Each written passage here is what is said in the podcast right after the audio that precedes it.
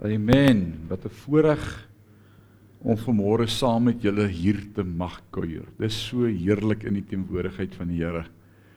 Dankie vir al daai amens. Dis so awesome. Dis so awesome. Loof die Here. Ons is besig om hier by Sion van laasweek af te gesels oor 'n nuwe seisoen, oor 'n nuwe tydperk wat aanbreek in elkeen van ons se geestelike lewe. En as jy dit gemis het laasweek of jy het nog nie gerecap deur die week nie, onthou al ons woord hier by Sion is op YouTube beskikbaar of op Facebook. Ons stuur dit ook uit op WhatsApp. Op daardie punt wil ek sommer vanmôre vra as jy nog nie op een van die gemeente se WhatsApp groepe is nie. Nou die wat is kan vanmôre regtig daarvan getuig ons maak julle nie moeg met WhatsApps elke dag nie. Is dit so? Kyk, jy kry groepies wat vir jou moeg maak, vir groepies. Jy lag, jy weet presies van daai groepies. Dis gewoonlik 'n 'n familiegroepie of 'n vriendegroepie of 'n kletsgroep of 'n skindergroep. Uh jy kry allerlei groepe, maar ons probeer hier op Sion net vir jou die belangrikste nuus gee en jou op datum hou met wat hier gebeur. As jy nog nie op een van ons Sion nuus en info groepe is nie, asseblief as jy uitstap daar voor teen daai muur waar jy in vaskyk of op die galery, is daar so 'n klein besoekerskaartjie of 'n informasiekaart. Sit vir my jou naam en jou selnommer op en skryf net daar nuus en info. En ons gaan jou bysit. En dan het ons hierdie week begin. Ek wil sê dankie vir ons span, vir almal wat so hard werk hier by Sion wat my gehelp het. Ons gaan nou Woensdae 'n nuwe ding begin. Hierdie week wat verby is, gaan ons sê koffietyd om die woord.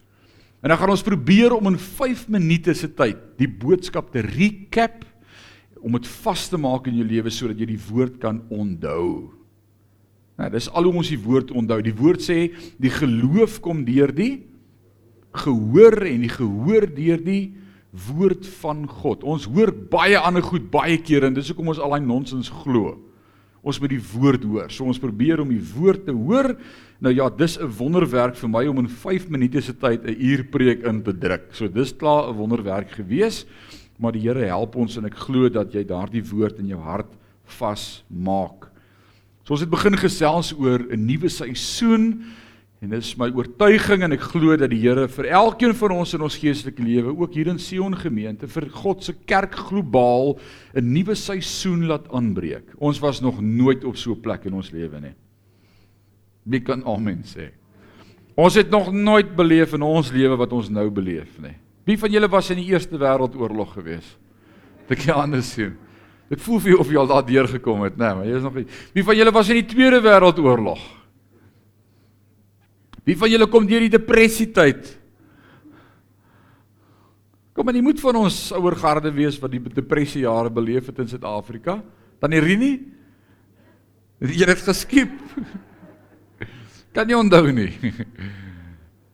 En ons het al deur moeilike tye gekom, maar ons glo God bring ons op 'n nuwe plek, op 'n nuwe seisoen met nuwe dinge en ek wil sê vir die kerk van die Here Jesus Christus is dit die beste plek nog ooit. Is nie 'n plek om weg te kruip nie, is nie 'n plek om om om uh om uh blikkies kos bymekaar te maak nie. Dis nie 'n plek om te vrees oor die dag van môre nie. Dis nie 'n plek van onsekerheid nie. Dis nie 'n plek van twyfel in jou geestelike lewe nie. Nee, ons is geroep vir 'n tyd soos hierdie. Dankie vir al daai amens. Julle maak my opgewonde want julle glo dit saam. My vanmôre begin ek dan om vir die volgende paar weke te praat oor geloofshelde en voorbeelde uit God se woord uit en hoe God hulle as te ware gedwing het en en daai transisie teweeggebring het in hulle lewe na 'n nuwe seisoen toe. Wat gebeur het? Ons geleer uit hulle lewe foute wat hulle gemaak het, dinge wat hulle reg gedoen het en ons gaan vir die Here vra, help ons om in ons lewe ook hierdie goed te leer sodat ons nie dieselfde foute maak nie, maar dat ons vanmôre ook die oorwinning mag behaal van 'n nuwe seisoen in. Wie van julle glo saam met my, God het 'n nuwe seisoen vir jou in oog. Amen. Ons glo dit en omdat ons dit glo, wil ek graag saam met jou kyk na geloofshelde uit die Ou Testament en hoe hulle dit hanteer het. En vanmôre wil ek begin deur met jou te gesels oor Elia. Elia. Een van God se profete, een van God se groot profete uit sy woord uit. Wat awesome dinge gedoen het met die God met met God se hart met die volk gekommunikeer het. Ons sien ook dat hy die dood vrygespring het, dat die Here homself kom haal het. Sy einde was awesome. Wie van julle bid dat julle einde so sal lyk? Man, this amazing. He went from high to higher to highest. En uh toe kom daardie wa met is dit is dit 'n wa met vuurpere of pere van vuur? Of was dit die wa wat gebrand het? Was dit die wa van vuur of die pere van vuur? Prof Wat sê julle, wat was aan die brand? Die pere. Dit was vier warm pere. Ek ek kan nie nou onthou nie. Maar dit was sy einde. God het hom kom haal en hy's in daardie wa met pief met met vier pere is hy weggevoer en ons weet ook ons lees in Openbaring dat hy een van die twee getuies sal wees wat gaan verskyn in Jerusalem se strate om te getuig van God se grootheid en sy goedheid en daar sal hy ook sterwe want die woord van die Here sê dis vir elke mens bestem om eenmal te leef, eenmal te sterf en dan voor God te verskyn. So, Elia, great einde gehad. Elia is by die berg Karmel. Een van die eerste plekke wat ons besoek daar in Israel as ons die toer doen, die Israel toer en die wat saam met my daar was, dis amazing. En dan kom ons daar by die berg Karmel en dan beleef ons daardie vlakte, daai uh daai daai vallei voor ons, Armageddon gaan ook daar plaasvind. Hoor ons sê die slim ouens uit Openbaring uit vir ons en dan beleef ons daardie hoogte waar hy die Baalprofete verslaan het. Man alleen. Hy en sy diensneg, maar ons lees nie van sy diensneg daar nie. Ek dink hy het om die koppie weggekruip en geloer wat gaan hier aan. En dan verslaan hy die Baalprofete en hy bid en God maak die hemel oop en dit begin reën. Hy sien 'n 'n wolkie so groot soos 'n man se hand en dan sê hy vir Agab, jy beter ry, hier kom groot reën. Groot reën. En dan hardloop hy Agab op die perdekar weg. Imagine dit. Kaster verby. hy kon hardloop. Alraight, hy snol. En dan kom hy in die paleis en hy het oorwinning as 'n hoogtepunt in sy lewe. En hier's die gevaar van dis wat gebeur in my en jou lewe op hoogtepunte. Na daai hoogtepunt is daar gewoonlik 'n laagtepunt. En as ons nie weet hoe om dit te hanteer nie, as ons nie gaan voorbereid wees op hierdie momente in die lewe van hoog en van laag nie, wie weet ons kan nie net op die hoogtepunte en op die kruine en die pieke en die berge leef nie. Jy het valleie nodig om God te beleef, sy inspraak in jou lewe, om jou weer vas te hou en op te tel en vir jou te sê ek het 'n plan met jou lewe. En as jy elke keer as jy in die vallei kom gaan bang raak en gaan wonder wat nou? Waar's God nou? Ek slaan my oë op na die berge, waar's my hulp? Het jy 'n krisis? Maar dis die tyd wanneer ek moet weet God hou my vas. Wat ek moet weet, hy het homself van my bewys as getrou en getrou en getrou. Hy's gister, vandag en tot in ewigheid dieselfde. He will do it again and again and again. He's the same God today that he's always has been. En Elia vergeet dit op daai oomblik en hy bevind hom vanmôre in ons verhaal in 1 Konings 19 in 'n krisis. As gevolg van een tannetjie wat die nuus gekry het by haar man oor wat gebeur het met haar Baal profete Isebel. En dan skryf sy daardie aand vir hom 'n briefie en sy stuur dit saam met sy kosblik kamer toe wat sê: "Ah. As dit wat jy met my profete gedoen het, môre hierdie tyd sal dieselfde met jou siel gebeur." Dis 'n dreigement. En dis gewoonlik die goed in my en jou lewe wat appelkarre laat omval. Nee. Slegte nuus of 'n insident of iets wat gebeur. En kyk wat gebeur 1 Konings 19 vanaf vers 2. Ek gaan heelwat lees.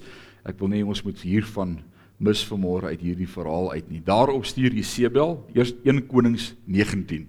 As jy wil saam lees, is jy welkom. 1 Konings 19 vanaf vers 2. Daarop stuur Jesebel 'n boodskap na Elia om te sê: "Mag die gode so doen en so daaraan toe doen, sekerlik sal jy môre sulke tyd jou siel maak soos die siel van een van hulle. Toe hy dit sien. Dit sê vir my dit was 'n briefie. 'n Note. Dalk was dit 'n e-pos. Dalk was dit 'n WhatsApp. Ek dink nie dit was 'n SMS nie. Wie van julle kan SMS se onthou? Nou die dag toe WhatsApp af is laasweek, kan julle onthou? Dit was nogal 'n krisis vir party mense, né, want jy het nie geweet wat om met jouself te doen nie. Nee, wat moet ek nou doen? Facebook en WhatsApp op een dag. Dis 'n geloofskrisis. Jesus, like, wat het ons in die dae gedoen voor dit? En ek wil met my seun praat en ek stuur vir Christian 'n SMS. Hy kom na die tyd by my sê: "Wat is hierdie?" Wat wat wat was dit? Hoe het pa met my so gepraat? Dis nou nie WhatsApp of Facebook nie. Ek sê broer, dis 'n SMS. Dit was al wat ons gehad het toe selfone begin het. Kan jy dit onthou?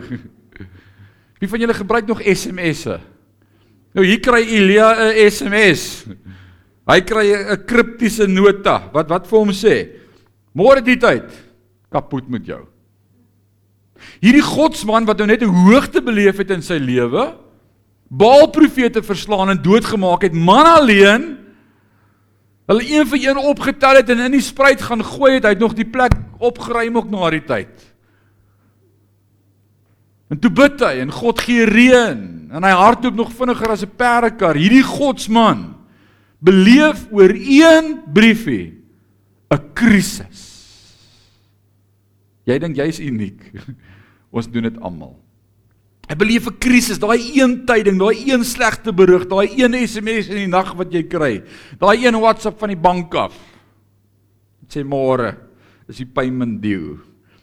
Nou Elia beleef so iets. En dan wat gebeur in vers 3? Toe hy dit sien, het hy hom klaar gemaak met 'n spoed en ter wille van sy lewe weggegaan. En toe hy by Perseba in Juda aangekom het. Nou dis 160 km verder. Nou net bietjie 160 kilos.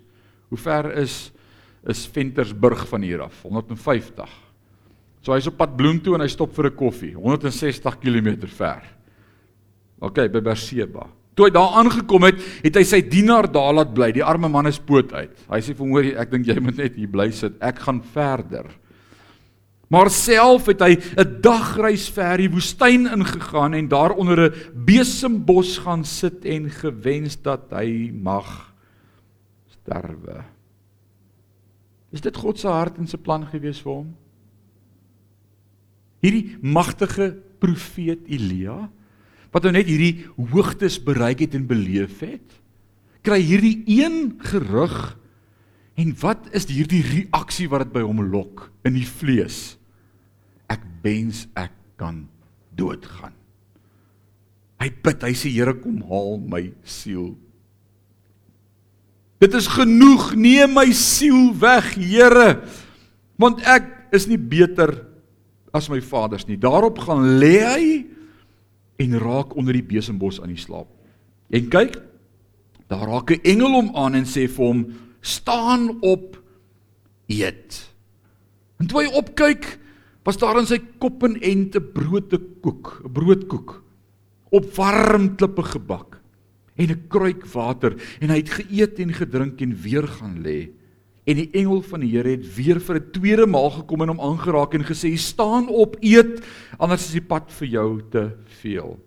En hy het opgestaan en geëet en gedrink en deur die krag van die voedsel 40 dae en 40 nagte lank geloop tot by die berg van God Horeb. Ek wens ons kan die resep kry vir hierdie broodkoek. Hæ?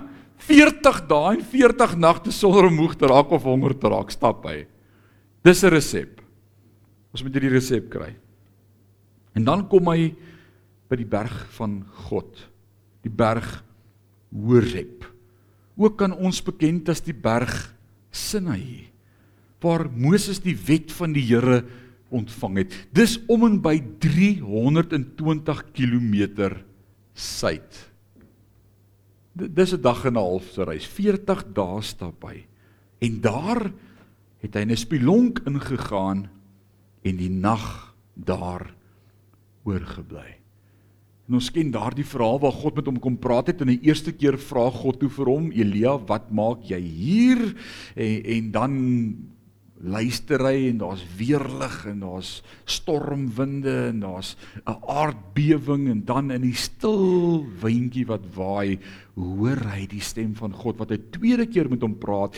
En vanmôre wil ek oor hierdie vier woorde met jou praat. Wat maak jy hier?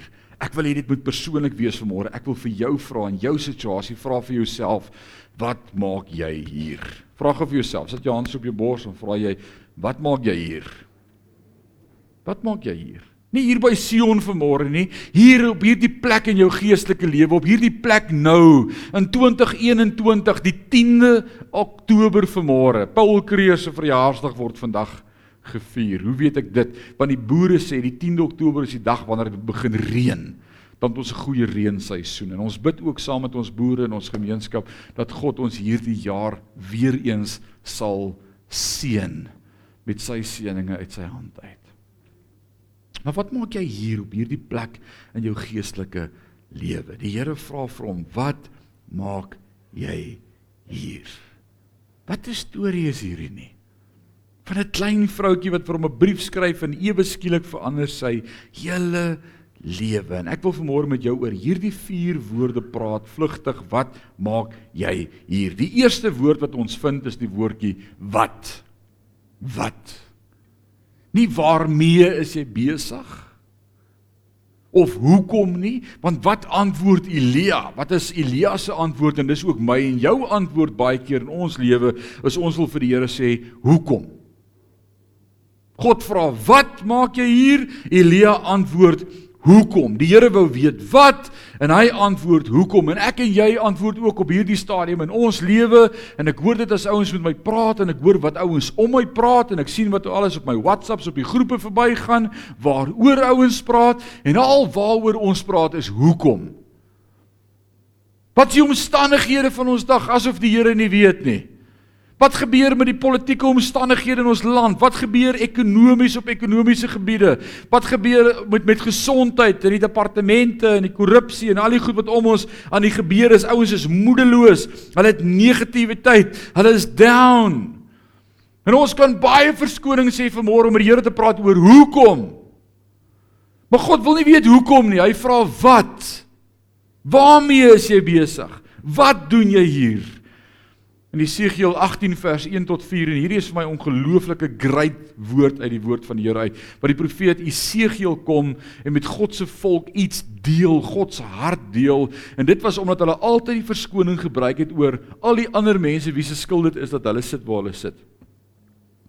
Want ek en jy kan vanmôre vir baie aanhou hoekom ons sit waar ons sit. Ons kan sê maar dis die een of is daai een of is hierdie omstandighede of is hierdie gebeure of is wêreldgebeure of is hierdie virus of is hierdie wat is dit 'n wat? Jy kan vir baie goed die omstandighede vanmôre die skuld gee vir hoekom jy sit waar jy sit. Maar hoor wat sê God deur die profeet Jesegiel in Jesegiel 18 vers 1 tot 4. Hy sê verder het die woord van die Here tot my gekom en gesê: "Wat is dit met julle?" Dat julle hierdie spreekwoord gebruik aangaande die land van Israel, naamlik die vaders het groen druiwe geëet en die tande van die kinders het stomp geword. Imagine dit. Hoekom is jou tande so stomp? Nee, is nie my skuld nie, my pa het groen vye geëet. Dis alles sy skuld. Ek kan nie help ek is so gebore nie. Dis maar die bloedlyn waaruit ek kom. My pa was ook so. Hoekom het jy so hier meer broer? Jy het nog niks gesien nie. Jy moes my pa geken het. Hy was 'n van helsdinging. Hy het alles reg geslaan. Ek kan nie help ek is so nie, dis sy skuld. God sê dis verskonings. Hy sê verder skryf hy verder, hy sê so, kyk, al die siele is myne, so die siel van die Vader, so ook die siel van die Seun, hulle is myne. Die siel wat sondig, die siel moet sterwe. Met ander woorde wat hy sê is elkeen gee rekenskap vir homself. Jy kan nie jou pa of jou ma of jou oupa of jou ouma die skuld gee vir hoe jy uitgedraai het nie. Jy kan nie verskonings gebruik vir jou omstandighede nie. Dit my altyd dink aan hierdie verhaal wat ek gelees het van hierdie pa wat 'n tweeling gehad het, twee broers, twee seuns. En die New York Times kom by hierdie een seun, hy's 'n chirurg, hy's briljant, fenomenaal, skrander, akademikus, 'n briljante chirurg. En hy doen 'n artikel met hom en sit in sy studeerkamer gesels met hom en oor sy lewe en hoe kry dit reg om so uit te blink en so fenominale rolmodel vir sy gesin te wees en hy's 'n familiemens en hy's net fenomenaal. En hulle vra vir hom, "Wat is die dryf in jou lewe gewees vir hierdie sukses wat jy behaal het?" En hy sit so terug en hy kyk so oor sy tafel na hulle en hy sê, "Nou wat anders verwag julle van iemand wat se pa 'n volslaa alkolikus was?" Wat sy kinders weggestoot het en hulle in 'n weeshuis opgeëindig het. Ek het besluit dat ek nooit dieselfde foute sou maak nie. Dis waar ek gekom het. En in die gesprek vind hulle uit hy het 'n tweelingbroer en, en en die verslaggewer begin navraag doen oor sy broer en hulle soek hom en hulle soek hom oralster en hulle kry hom naderhand in 'n shelter onder 'n brug in New York. 'n Alkolikus uit sy vrou uit, sy kinders is in 'n weeshuis opgeneem, sy lewe val uitmekaar uit. En hulle voer met hom 'n gesprek en sê, "Wat sal jy sê het toegedoen aan jou omstandighede?" waar jy jouself bevind en hy antwoord hierdie woorde wat anders verwag jy van 'n kind wie se pa alkolikus was en sy kinders weggegooi het selfde uitspraak selfde pa twee verskillende approaches in die lewe gevat jou keuse en hier kom die woord deur die seëgeel en hy sê julle kan nie julle pa se skuld gee vir hoe julle uitdraai nie ek wil vanmôre so ver gaan om te sê jy kan nie vir coronavirus die skuld gee vir waar jou lewe homself bevind nie. Want ek en jy as kind van God glo dat God die outeur is van my lewe, dat hy my hand vashou, dat hy my hou in die holte van sy hand, dat hy voor my uittrek en my paai gelyk maak, dat groter is hy wat in my is as hy wat in die wêreld is. Ons is so geneig om omstandighede en ekonomie en politiek en al hierdie goed die skuld gegee vir hoe my lewe lyk. Ek wil vanmôre vir jou sê vat verantwoordelikheid.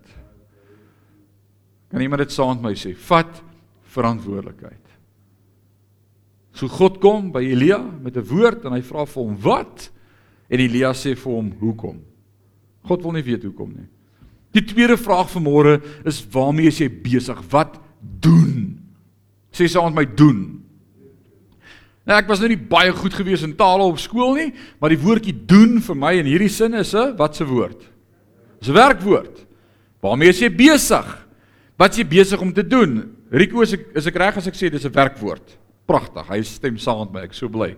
Hy beamoed dit. Maar maar kyk wat antwoord Elia. Hy verander die werkwoord doen en hy sit 'n voorvoegsel by ge en dan word die woordjie gedoen en dit dui vir my op verlede tyd. Nou dwaal hy in die verlede, hy vermy totaal en al die topik en hy gaan terug na die verlede toe. En hy praat oor wat hy gedoen het vir die Here. Ek luister na gesprekke om my kampvure en braais, WhatsApps En ek hoor almal om my praat van in die verlede tyd. Ek hoor goed soos toe die drie kleer nog gewapper het. In die goeie ou dae. Toe ek nog jonk was. Toe my pa nog vir my gesorg het. Ek weet julle praat glad nie so nie, né? The good old days. Those were the days my friend. I wish they'd never end. Ons sing dit saam en ons dink ja, dit was die jare. Waar is daai jare? Hoekom het ons dit nie meer waardeer nie? Ek wil vir jou sê daar's geen tyd soos hierdie tyd nie. En ek glo vir die kerk van die Here Jesus Christus en vir elkeen van ons is jy geroep vir 'n tyd soos hierdie. Hou op dwaal in die verlede. Hou op dwaal by wat kon wees of wat ek gehoop het dit gaan wees of waar ek wou wees. Jy is hier en God wil jou hier gebruik. Nou, hier. Nou is die dag van die Here. Nou is die tyd van die Here. Nou is die aangename tyd van die Here. En ek glo dit in Elia 'n klomp verskonings en hy praat oor wat was en wat hy gewens het en wat hy gedoen het. Dis nie wat God wil hê nie. God vra vir jou vanmôre, waarmee is jy nou besig? Wat doen jy nou? Paulus skryf aan die gemeente in Filippi in Filippense 3 vers 14. Hy sê maar een ding. En ek wil vanmôre saam met hom hierdie besluit maak, maar een ding. Nou hier kom selektiewe geheue verlies. Hy sê ek vergeet. Ek vergeet van die dinge wat verby is. Die grootste nommer 1 faktor van dit wat my en jou belemmer om te groei in ons geestelike lewe is die verlede. Dinge wat gebeur het, insidente, persone wat my te nagekom het, onvergewensgesindheid, 'n wortel van bitterheid, Dit dit dit wat was, dit wat gebeur het. Sê jy ken nie my storie nie. Jy het nie 10 jaar van hel gehad saam met die vrou saam wie ek moes bly nie. Nee, ek het nie jy het al gekies nie, ek nie. Elkeen maak sy eie keuse. Sê jy verstaan nie my verhaal nie. Jy verstaan nie my omstandighede nie. Ek doen nie. Maar een ding weet ek, die verlede is in die verlede. En ek en jy moet God vra, ons kan nie vorentoe beweeg solank as wat jy kyk na die dag van gister nie. Solank as wat jy terugkyk na wat was, gaan jy nooit kan beleef dit wat gaan kom nie. En as jy 'n nuwe seisoen in jou geestelike lewe wil beleef, wil ek vir jou sê, vergeet die dinge wat agter is. Paulus sê een ding, ek vergeet die dinge wat agter is en strek my uit na wat voor is en jaag na die doel om die prys te verkry van die hoë roeping van God in Christus Jesus. Dalk moet jy vanmôre saam met my bid en saam met my hierdie woorde sê: Here, help my om gister te vergeet. Ek hoop jy dit bedoel. Help my om gister te vergeet. In Matteus 6 vers 34 kom Jesus self en hy praat rondom stres en kwale en bekommernis oor die toekoms. En baie van ons is so daarmee besig, né, met die toekoms en wat gaan gebeur en wat gaan weer, wat van môre? Wat van môre? Jesus sê kwel julle nie oor die dag van môre wat want môre sal hom oor sy eie dinge kwel. Elke dag het genoeg aan sy eie kwaad. Wat van môre? Wat van môre? Dis vandag wat tel. Vandag hierdie oomblik. God stel belang in nou. En hy vertel oor sy diensneg wat hy agter moes laat en hy kry homself jammer oor waar hy sit en God sê ek wil nie dit weet nie. Ek wil weet wat doen jy? Waarmee is jy nou besig? En dan hierdie pragtige vierde woord waarmee God by hom kom is wat nee is die derde woord nou wat doen jy ek hoor net mense praat oor ander mense en oor ander goed en oor ander die vraag vir môre is wat doen jy wat doen jy waarmee is jy besig waarmee hou jou jou jy jou besig Waarin verdiep jy jou? Waarmee spandeer jy jou tyd? Ek en jy. Dis die vraag vir môre. En in ons dag en tyd kan ons vir jou besig hou vir ure met alles wat almal om my doen. En waarmee my vrou haar besig hou en waarmee my kinders hulle besig hou en waarmee my ouers hulle besig hou en wat hier gebeur en wat daar gebeur. God vra vir môre vir my en vir jou, wat doen jy?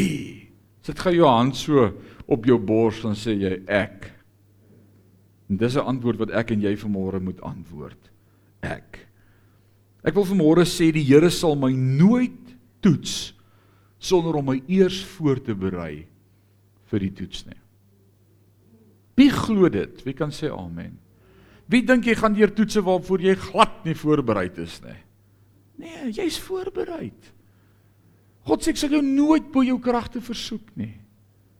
Hy sê wees bly en ag dit louter vreugde my broeders as julle in allerlei versoekinge val omdat julle weet dat die bly die lydsaamheid van julle geloof tot volle verwerking moet kom en hierdie geloof moet groei, hierdie lydsaamheid moet groei tot sodat dit volmaak sonder gebrek en niks tekort mag kom nie. Jakobus 1 vers 2 en 4. God het 'n doel daarmee. Hy het jou voorberei. Kom ons dink vanmôre aan ons geloofsheld Vader Abraham.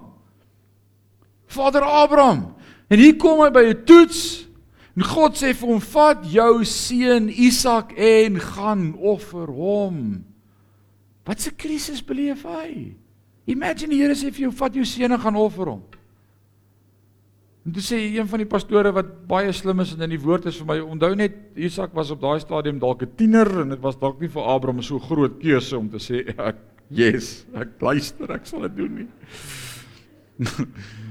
My jongste tiener het vanmôre tiener geword. Hy word vandag 13, 10 Oktober. En ek het nou twee tieners in die huis. So verstaan so iets daarvan. Maar maar maar was hy onvoorbereid geweest vir hierdie toets? Nee. God het hom voorberei want Genesis 22 vers 1 sê na hierdie dinge het God op vir Abraham op die proef gestel. Na watter dinge? Hy het vir hom gesê jy moet jou huis verlaat en trek na 'n vreemde plek wat ek vir jou gaan wys. Hy moes leer om God te vertrou. Hy moes sy huis verlaat. In die proses moes hy sy pa begrawe op wie hy gesteun het en wat alles in sy lewe was. Hy het sy pa verloor en hy moes leer om op God te vertrou. Hy moes vir Lot, sy enigste familielid wat hy nog gehad het, Lot, moes hy groet en hulle paai het geskei en Lot het sy deel gekies wat hy wou hê en hy was alleen. Hy het geleer God is daar. En toe toe kry sy eersgebore seun, Ismael. Onthou julle vir Ismael? Die buiteegtelike kind met die slaaf van Hagar. Vir wie hy so lief gehad het en gedink het dit was God se antwoord en toe kom God by hom en sê, "Uh uh, uh uh, jou eie plan, nie my plan nie. Vat vir Hagar en Ismael en stuur hulle weg." En toe verloor hy vir Ismael. Dit was sy voorbereiding gewees om te leer om God te vertrou. En toe kom die toets en die Here sê, "Vat vir Isak en gaan offer hom." En wat sê hy toe? "O Here, ek is nie reg vir hierdie toets nie." Ag, berge val op my heuwels bedek my. Nee, wat doen Abraham toe? Hy het die seun gevat en hy het gegaan en hy het gesê die Here sal voorsien. Toe Isak het vir hom sê, "Maar hier's die hout en hier's die vuur, waar's die offer?" Toe sê "My kind, God het my in hierdie tyd al so voorberei. Kom ek sê vir jou, hou net jou oop die Here, die Here sal voorsien." En die Hebreërs skrywer wat praat van sy geloof sê daar was so geloof in sy hart gewees dat hy tot geglo het God is by magte om Isak uit die dood uit op te wek want my God kan alles doen. En dis die vraag vir môre vir my en vir jou. Jy in jou omstandighede. Waarmee is ek en jy nou besig? Ons persoonlik. Net so het God vir Elia voorberei. Hy het twee keer op 'n dag vir hom brood voorsien deur die kraaie by die spruitkrit. Kan julle dit onthou? God het voorsien, hy het vir hom geleer, ek is jou voorsiener, ek is jou bron, ek is die een wat jou in stand hou, ek is die een wat jou staande hou, ek voorsien. En toe onthou ek hierdie storieetjie van die ma wat se seentjie dood was. En toe leer God Elia, jy kan my tot vertrou om op te wek. En hy het op daai seun gaan lê en oor hom geblaas en in een oomblik word daai seun wakker. God skep lewe deur Elia. Hy bid een gebed en vir 3 en 'n half jaar is dit kurkdroog. Ek dink vir 3 en 'n half jaar moes hy wegkruip. Al die boere het hom gesoek.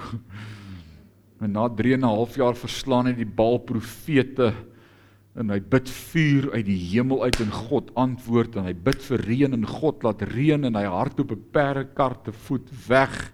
Man, dis 'n oorwinning in sy lewe. God het hom voorberei. Ek wonder wat sou God wou hê? Hoe moes hy reageer op daai briefie daai aand? Dalk daar opgesê het, wag voor jy loop, gee net vir my 'n pen en net skryf daar reply. En sê juis volgende.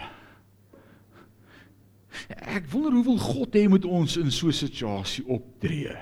Maar ons is so geneig om in die vlees te wil optree en te operate. Oppas vir die vlees se besluite en se keuses. Ons wandel nie deur die vlees nie, maar deur die gees sodat jy nie die begeerlikheid van die vlees volbring nie. Want die gees stry teen die vlees.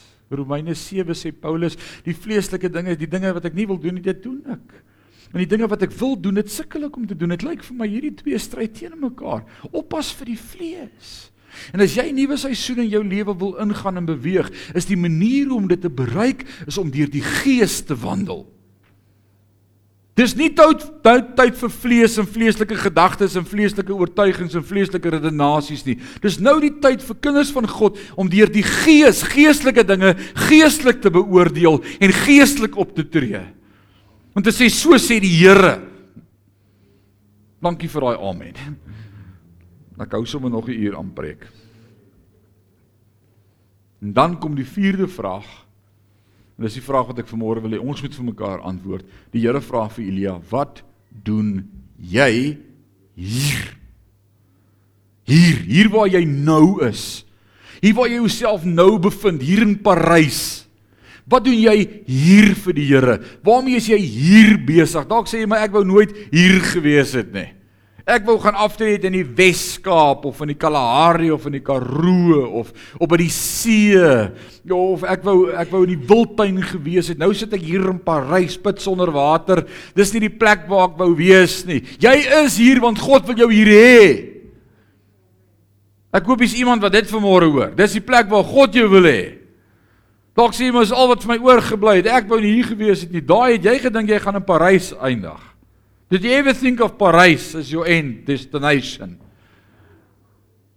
Sy was in Swaziland in die beautiful natuur het sy God gedien vir hoeveel jare en nou kom haar ou dag nader en die Here sê Parys en is soos wat? Net nie Parys nie. Wat's in Parys? Parys is 'n aftreedorp. Ek spot hoe ons wat 31 jaar terug hier aangekom het, 32 jaar terug, was daar uh, daar was 'n spot gewees wat sê Parys is die grootste aftreeoord in die suidelike halfrond. Jy moet nog net 'n dak oor die dorp bou. Want hoeveel ouete huise het Parys? 1 2 3 4 5 6 7. Dis 'n goeie plek om te wees, hoor. Parys. Wat doen ons hier vir die Here? Wat doen jy hier vir die Here? En waar sit Elia op daai stadium? Hy sit op die berg Sinai in 'n grot. Is dit die plek waar God wil hy moet wees? God, hy was nog laas in die paleis en nou vra die Here, "Waar moet jy hier gekom?" Toe ek laas met jou gepraat het, was jy in die paleis. Is dit nie waar ek jou wou gebruik het nie? Hier. Jy's nou hier. Nou wat wat sê God vanmôre vir my en vir jou hier? En hier's 3 punte en hiermee sluit ek af vanmôre. Laasweek het ek gepraat oor 5 punte om hierdie nuwe beweeg in jou lewe aan te wakker. En die eerste een was gewees moenie fokus op jouself nie, fokus op iemand anders. Die tweede een is bid bietjie iets nuuts. Begin bietjie iets nuuts bid. Wie van julle het hierdie week bietjie jou gebedspatroon verander en nuuts begin bid? Kan ek gou die hande sien? Daar's daarom so vyf wat gehoorsaam was. Ek bid saam met jou dat die Here iets nuuts vir jou gaan begin. Begin nuut bid. En die derde plek, raak stil by God. Gaan sit net bietjie stil by sy voete. Bly bietjie stil. Sê net Here, ek wag op U. Ek ek wil U beleef en ervaar. In die vierde plek het ek gesê kom bietjie buite. O, oh, die natuur is mooi op hierdie stadium. Die die bome bot en die voeltjies voel en uh, die honde blaf en dis alles net so pragtig buitekant. Dis mooi man, God het dit gemaak. Die natuur roep God se grootheid uit. My akkerboom akker en hy vertel van die grootheid van die Here. Dis amazing. Jy moet net gaan sit en luister. En dan hoor jy hoe die natuur God groot maak. En die vyfde punt was Romeine 12 vers 2. Kry 'n nuwe manier van dink. Skep en skakel negatiwiteit uit. Fokus op die dinge wat daar bo is. Filippense 4 vers 8 en 9. En die vrede van God wat alle verstand te bowe gaan, sal julle sinne bewaar in Christus. Nou waar's vanmôre se drie punte uit hierdie storie uit. Dit kom, ons lees verder vers 15. Maar die Here sê vir hom en dis die eerste opdrag vanmôre vir my en vir jou. God stuur ons. Hoor wat sê hy vir hom? Gaan terug op jou pad na die woestyn van Damaskus. Jy sien ek en jy wil graag hê God moet ons omstandighede verander en vir ons sê okay, trek nou maar net Weskus toe en kry klaar. Gaan nou maar see toe. Ek ek ken mense in ons pragtige dorpie wat oralster wou wees behalwe hier en weet jy waar is hulle vandag? Hier. Hulle was in Gansbaai en hulle was in Kokania en hulle was oralster en elke keer kom hulle maar net weer terug by waar die Here hulle wil hê.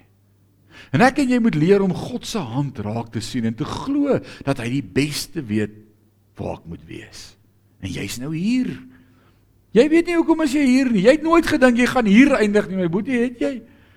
Jy het gedink Here, in die eh, daar Alberton is my plek, is my valley en die stad en en God stuur jou hiernatoe. En ek wil vanmôre vir jou sê, hier sê die Here vanmôre vir my en vir jou, gaan terug op jou pad, hier waar jy nou beweeg. Ek het werk vir jou. Ek en jy moet begin beweeg. So dis die eerste punt van môre. Sê saam met my beweeg. Ek wil vanmôre vir jou sê jy gaan nooit 'n nuwe seisoen in jou lewe ervaar terwyl jy sit en wag nê. Beweeg. Kom in beweging. Die tweede woord vir môre vir ons en dis wat God vir hom sê om te gaan doen is gaan salf jou koning. Dis die woord met Elia. Nou wie's my en jou koning vir môre? Was dit Ramaphosa. no, he's not my king. My king is king of kings and lord of all, Jesus Christ, my lord and my savior. En terwyl ek begin beweeg, is daar iets waarop my fokus moet bly. En my fokus vir 'n nuwe seisoen in my lewe is begin God eer en salf en kroon hom as koning. Kroon hom as koning, loof hom, aanbid hom, spandeer tyd in sy teenwoordigheid, maak tyd vir hom, gaan sy poorte in met lof, sy voorhoewe met lofgesange. Maak hom groot. En dan die derde opdrag wat God vir Elia gee, en jy kan dit gaan lees. Is hou op fokus op jouself Elia, hou op om jouself jammer te kry. Dis tyd dat jy 'n Elisa soek en begin deponeer in iemand anders en leer hulle wat ek jou geleer het. 2 Timoteus 2:22 Hierdie betroubare woord wat jy van my ontvang het, deel dit ook met ander. Matteus 28 vers 19 gaan heen en maak disippels van alle nasies doop hulle in die naam van die Vader, Seun Heilige Gees en leer hulle om alles te onderhou wat ek jou geleer het. Hou op fokus op jouself. Gaan aanbid God, belê in iemand anders se lewe. Kan iemand sê amen? Kom ons bid saam. Ewige God en Hemelse Vader, dankie vir u woord vanmôre. Dankie dat ons kan leer uit die lewe van Elia uit. Vanmôre is ons eerlik as ons sê ons maak almal sy fout. Ons besluit in die vlees en ons raak benoud in die vlees en ons evalueer in die vlees en ons wandel in die vlees. Maar dankie dat U ons nie geroep het om in die vlees te wandel nie. Maar dat ons geroep is deur die Gees van God om geestelike dinge geestelik te beoordeel. Ek wil vanmôre sê askies, vergewe ons dat ons na ons krisis kyk deur vleeslike oë en die vleeslike besluite maak. Vreeslike vleeslike besluite. Ek wil bid, Here, help ons om deur die Gees te wandel. Help ons om in die geestesdimensie te kyk en te aanskou. Help ons om in die geestesriem geestelik te kan observeer. Help ons om die geestelike panser en wapenrusting van God daagliks aan te trek. Help ons om die woorde van Paulus in die gemeente in Efesiërs 6 te onthou wat sê ons stryd is nie teen vlees en bloed nie, maar teen die owerhede en die magte van hierdie wêreld in die lig. Staan dan vas. Here, ek wil bid vir elkeen van ons. Ek wil bid vir hierdie seisoen waarin ons beweeg, hierdie nuwe era wat aanbreek vir elkeen van ons in ons geestelike lewe. Mag dit 'n uitbundige era wees waarin ons kan losbreek in aanbidding voor ons koning en ons God, want U is awesome. Mag dit tyd wees wanneer die wêreld in ons en deur ons Christus sal sien en sal verheerlik en ook sal roep na U as die verlosser en saligmaker en koning ook van hulle lewe. Word verheerlik in en deur ons. Aan U al die lof en al die eer en al die aanbidding van ons harte. Hou ons staande in hierdie week. Hou ons haal ons oë af van die vleeslike materiële dinge om ons. En help ons om die geestelike goederes wat daar bo is te bedink en U te loof as koning om tyd te maak in aanbidding met ons Vader by u voete. Help ons om in iemand anders se lewe te belê. Ons eer u daarvoor. In Jesus naam en Sion sê amen en.